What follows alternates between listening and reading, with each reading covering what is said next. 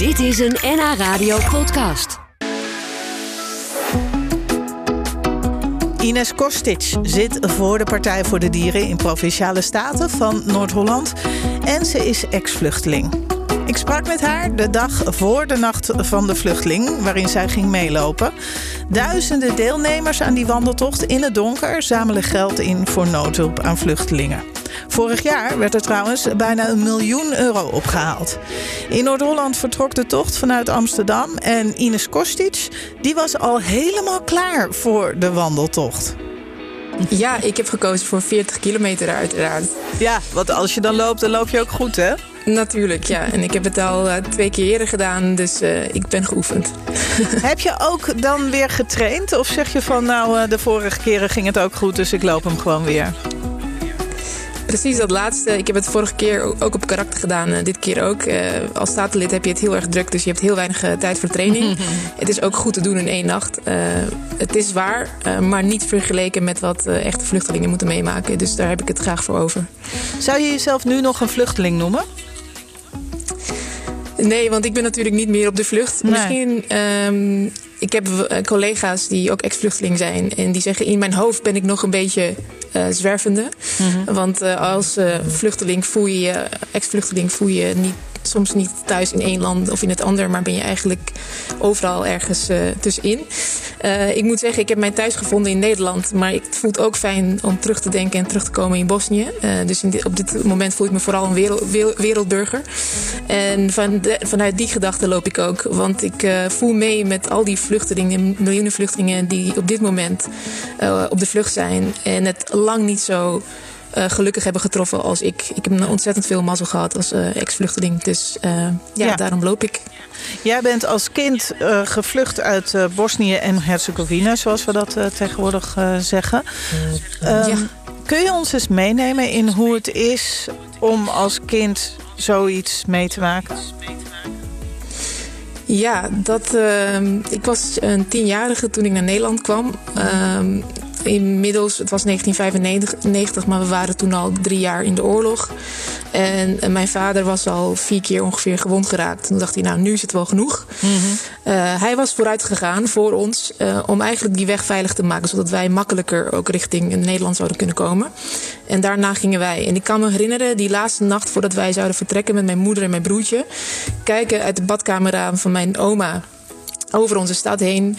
En dat ik heel erg moest huilen, omdat ik niet wist uh, waar we naartoe gingen. Waarom we überhaupt precies moesten vluchten. Ja, ik wist dat het erg was in ons land, maar toch, dat gevoel leeft niet. Ik wil hier weg. Je wilt vooral gewoon vasthouden aan wat je kent, je vriendjes en je vriendinnetjes, die je ook eigenlijk in de loop van die drie jaar hebt weg zien gaan. Dus het was ontzettend beangstigend en, en verdrietig om je opa's en oma's achter te laten.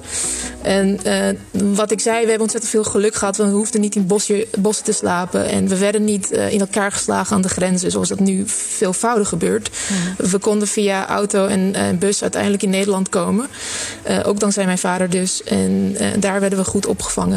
Um, maar ook daar uh, ben je natuurlijk in een nieuw land dat je niet kent. En dan is het heel fijn als er mensen zijn die begrip tonen en je, en je proberen te helpen.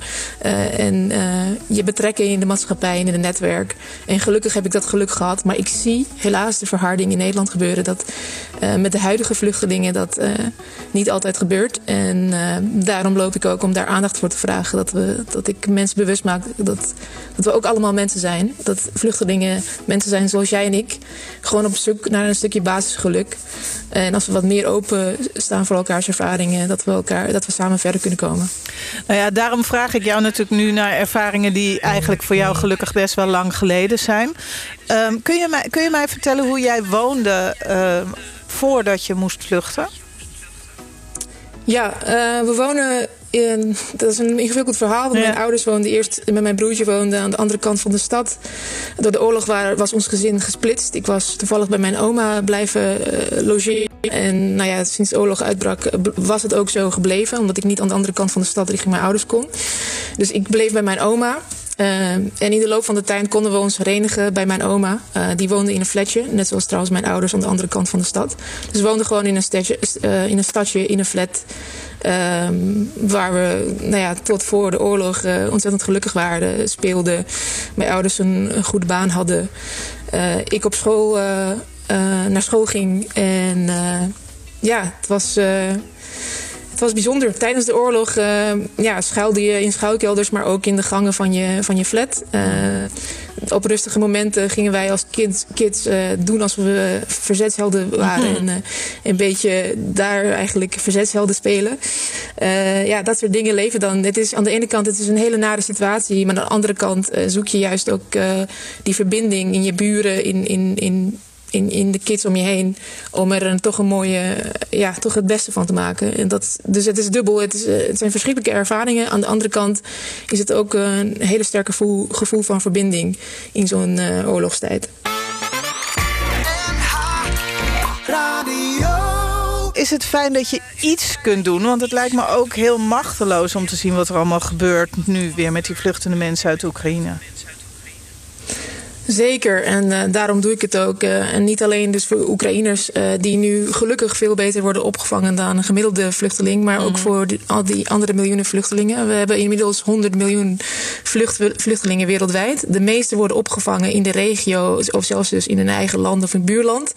En de rest vlucht dus naar elders. en die krijgen helaas zo'n goede behandeling als de Oekraïners. En dat, dat moet echt veranderen. Want ja, wat ik ook net voor de, voor de uh, voor de muziekje schetste. Het is echt ontzettend zwaar om je land te verlaten. Mm. Mensen beseffen zich dat soms niet. Dat je je hele familie moet verlaten, je, je vrienden, alles wat je kent. Eh, dat het zo ontzettend onzeker is. En dat je dan, als je in een nieuw land terechtkomt, alle hulp nodig hebt om een nieuw netwerk te krijgen, om, om je trauma's te verwerken, uh, et cetera. Dus ik hoop uh, dat ik in ieder geval door mijn verhaal te delen en die nacht dus te lopen, um, dat ik daarbij aan uh, bijdraag en dat ik een beetje van die verharding weg kan nemen. Dus ja, mochten er mensen vragen hebben, ze kunnen me altijd contacteren. Ik ben heel makkelijk te vinden via het internet. ja, want ik, jij zegt die 100 miljoen. Ik hoorde vandaag ook in het nieuws dat ruim 50 miljoen van die vluchtelingen zijn kinderen. Um, jij, hoe kijk jij naar bijvoorbeeld de toestand in Ter Apel nu? Ben je daar geweest eigenlijk in Ter Apel destijds? Ja, destijds wel inderdaad. En uh, naar mijn herinnering eh, was het heel kort, was het hooguit uh, twee dagen. En toen oh. werden we doorverwezen naar een grotere asielopvang in Den Haag. waar het ook klein is, maar je hebt gewoon een dak en je hebt eten. Dus dat, dat is prima. het is niet te vergelijken met wat er nu aan de hand is. Het is echt een humanitaire ramp eigenlijk, wat zich voltrekt in een, een van de rijkste landen ter wereld. En dat is uiteraard heel vreemd. En dat, we kunnen beter, we hebben ook de middelen om dat beter te organiseren. Het gaat niet om uh, luxe dingen, maar gewoon een, uh, een bedje en een dak boven je hoofd. En uh, volgens mij kunnen we dat als Nederland regelen. Dus ik hoop dat, dat, dat de overheid daarin snel gaat optreden. Ja. Ja, het is een beetje, beetje buiten het gesprek nu. Maar als je die beelden ziet van mensen die op stoelen moeten slapen of buiten moeten slapen. wat is daar aan te doen? Want er zou toch eigenlijk iets te doen moeten zijn... waardoor ze morgen al niet meer niet in een bed kunnen liggen? Dat klopt. Dat heeft vooral te maken met landelijke die wat eh, extra budget moeten gaan vrijgeven om uh, uh, daar fatsoenlijke bedden neer te zetten en ruimte te maken. En dat is het dus ook. Alleen ehm, ja, ze, ze, zijn te snel in het afschalen. Zodra er minder vluchtelingen binnenkomen, dan schalen ze snel af. En dan krijg je dit soort situaties. Uh, dus het beste is uh, dat landelijk dit goed uh, trekt en investeert daar waar nodig is. En dan is het zo voltooid. Alleen er is geen goede regie. en dat, dat moet veranderen. En volgens mij kunnen we dat ook. En het is ook belangrijk, want we zien dat er steeds meer vluchtelingen zijn. Straks ook door klimaatverandering, wat je nu al ziet. maar het wordt steeds erger. de Wereldbank voor voorspelt dat we in 2050 tot 200 miljoen of meer vluchtelingen puur op basis van klimaatverandering zullen krijgen. En uh, ja, dat, die moeten ook straks ergens onder dak krijgen. Dus dat is ook iets om over na te denken. En geeft ook te denken over ons klimaatbeleid. Hoe belangrijk het is om daar echt op door te pakken. Want je wilt voorkomen dat mensen moeten vluchten om die, om die reden. Uh, dus uh, in die zin ook heel goed. En daarom loop ik dus ook om extra maatregelen te gaan, om uh, maatregelen te nemen om die klimaatverandering tegen te gaan. Jij bent inmiddels uh, statenlid. spreekt, uh, spreekt vloeiend Nederlands. Hoe lang heeft het geduurd voor jou voordat je gewend raakte aan Nederland en de taal? Um, nou, eigenlijk was ik aan de taal gewend geraakt binnen twee jaar. Dat komt ook omdat we een huis kregen in Niekerk, een dorpje in eh, Groningen. En ja. uh, nou, dan uh, heb je een hele snelle inburgeringscursus, kan ik je vertellen. Want dan ben je de enige die niet van Nederlandse afkomst is. En met geweldige mensen daar opgetrokken en opgevangen. En nou, ook heel snel de taal geleerd. En aan Nederland gewend, ja. Ik ben, ik, ik, vond het heel vreemd dat alles zo ontzettend geordend was. en netjes, et cetera. Dat vond ik een beetje uit een andere wereld en werkelijkheid in het begin. Maar nu ben ik daar uiteraard aan gewend en ik kan heel veel waarderen aan Nederland. Zoals uh, die vrijheden die we hebben. Uh, het kritisch nadenken, dat is echt iets wat we moeten koesteren. Uh, en democratie uiteraard. Maar tegelijkertijd kunnen we nog heel veel verbeteren. Kunnen we nog veel meer werken aan die compassie en met zorg omgaan voor elkaar. In plaats van die focus al maar op het geld. Daar, daar kan Nederland veel meer van leren van andere landen, denk ik. Morgen, de Nacht van de Vluchteling. Uh, de deelnemers zamelen natuurlijk geld in, worden gesponsord voor het meelopen. Jij ook. Je staat echt hoog in de top 5 van de best gesponsorde deelnemers. Hoe heb je dat gedaan, Ines Kostic? ja, ik denk dat het uh, één is natuurlijk mijn verhaal als vluchteling helpt. Uh, mensen zijn geneigd om ex-vluchtelingen eerder te, te, doneren. Bovendien ben ik natuurlijk heel erg bezig op social media, dus dat helpt ook heel erg. Maar tegelijkertijd loop ik met een fantastisch team van de Partij voor de Dieren, 25 mensen, waarin ook andere vluchtelingen zit, zitten, onder andere Syrië. Um, en uh, ja, dat team, je hebt ook een top 5 aan teams. Dat team staat nummer 1. Die heeft bijna 17.000 euro opgehaald. ruim uh, ja, op, op, aan top wat dat betreft. En uh, ja, dus dat is gewoon ook een teamverdienste. Dat we dit uh, met elkaar trekken en, en zo'n belangrijk statement kunnen maken. Ik wens je een hele fijne en succesvolle nacht, morgen nacht. Dankjewel Ines. Messi. Doei. Doei.